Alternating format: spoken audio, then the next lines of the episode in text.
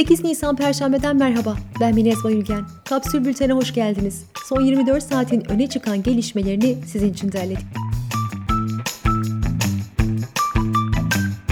Türkiye'de Temmuz 2020 ile Ocak 2021 tarihleri arasında televizyon ekranlarına çıkan konukların %90'ı erkekti. Kadın Adayları Destekleme Derneği 6 ay boyunca haber odaklı yayın yapan 13 kanalda boy gösteren konukların cinsiyet dağılımlarını inceledi.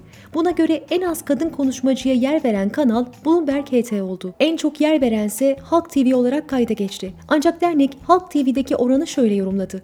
Bu kanalda bile her 5 konuktan biri kadın, 4'ü erkek. Dernek Başkanı Nuray Karaoğlu araştırma sonuçlarını kanallarla da paylaştıklarını söyledi.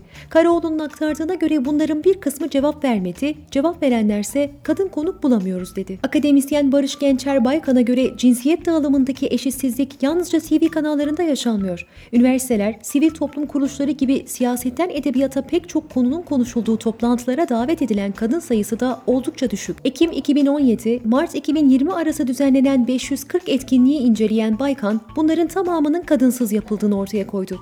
Baykan'ın aktardığına göre kurumlar bu duruma sıklıkla aynı açıklamaya yanıt veriyor. Cinsiyete bakmıyoruz, uzmanlığa bakıyoruz. Gazeteci Murat Ağırel, Kanal İstanbul güzergahından arsa aldığı iddia edilen isimleri açıkladı.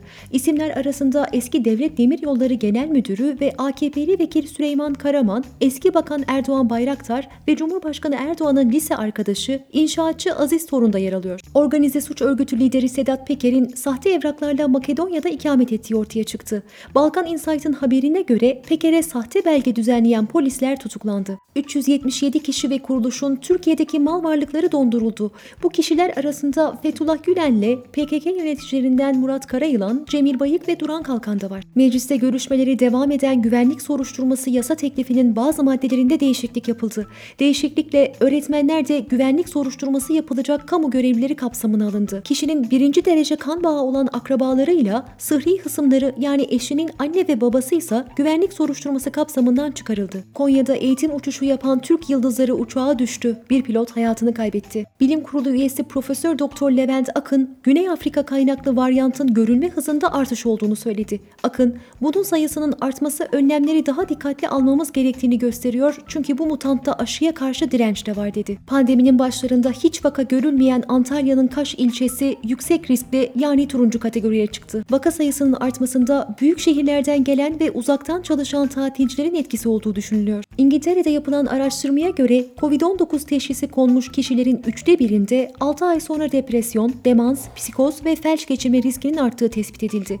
Hastalığı ağır geçirenlerde riskin daha da arttığı belirtiliyor. Bunun stresin yanı sıra virüsün doğrudan beyin üzerindeki etkisinden kaynaklandığı sanılıyor. Türkiye Futbol Federasyonu Başkanı Özdemir, futbolcuların, hakemlerin ve kulüp idari personellerinin aşılama kapsamına alınacağını duyurdu. Cumhurbaşkanı Erdoğan'la Avrupa Konseyi Başkanı Michel ve Avrupa Komisyonu Başkanı von der Leyen'le yaptığı görüşmede koltuk krizi yaşandı.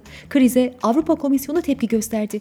Görüntülerde Erdoğan ve Michel bayrakların önündeki koltuklara otururken von der Leyen'in ayakta kaldığı görülmüştü. Times gazetesi AB heyetinin Cumhurbaşkanı Erdoğan'la yaptığı görüşmede yeni bir göçmen akınını durdurması karşılığında daha fazla maddi yardım teklifinde bulunduğunu iddia etti. Times'a göre AB liderleri Türkiye'deki insan hakları ihlalleri ve hukukun üstü üstünlüğü ilkelerinde yaşanan gerilemeler konusunda kaygılarını dile getirse de bu yapmacık bir tavırdı. Dubai'de bir gökdelenin balkonunda çıplak poz veren 11 Ukrayna ve bir Rusya vatandaşının sınır dışı edileceği açıklandı. 12 kişi görüntülerin sosyal medyada paylaşılmasının ardından tutuklanmıştı. İtalya'da hükümet 11 Haziran'da Roma'da oynanacak İtalya-Türkiye Euro 2020 açılış maçının seyircili oynanmasına karar verdi. Roma Olimpiyat Stadında oynanacak maçlara %25 kapasiteye denk gelen 15 bin seyirci alınması planlanıyor. Forbes dergisi dünyanın en zengin isimlerini açıkladı. Jeff Bezos 177 milyar dolarlık servetiyle listenin ilk sırasında yer aldı. Elon Musk 151 milyar dolar servetiyle ikinci sırada. Türkiye'nin en zengin kişisi 6.3 milyar dolar servetiyle Murat Ülker oldu. Diskar 2020'de 176 binden fazla işçinin kod 29 ile işten çıkarıldığını açıkladı. Verilere göre ayda ortalama 14 bini aşkın kişi işinden oldu. AKP Sosyal Sigortalar ve Genel Sağlık Sigortası yasasındaki geçici iş göremezlik ödeneğini günlük 20 lira düşürmek istiyor. Meclise sunulan teklif yasalaşırsa çalışanlar meslek hastalığı, iş kazaları, analık halleri kaynaklı işe gelememe durumunda gelir kaybı yaşayacak. Fitch Ratings, Türk bankaları için borcu borçla kapatma riskinin arttığını belirtti. 2020 sonunda Türk bankalarının 2019'dan daha az dış borca sahip olduğunu fakat 2020'de kısa vadeli dış borç oranının 2019'a göre arttığı belirtildi. Kapsül'ün e-bültenlerine abone olmak için kapsül.com.tr'yi ziyaret edebilirsiniz. Hoşçakalın.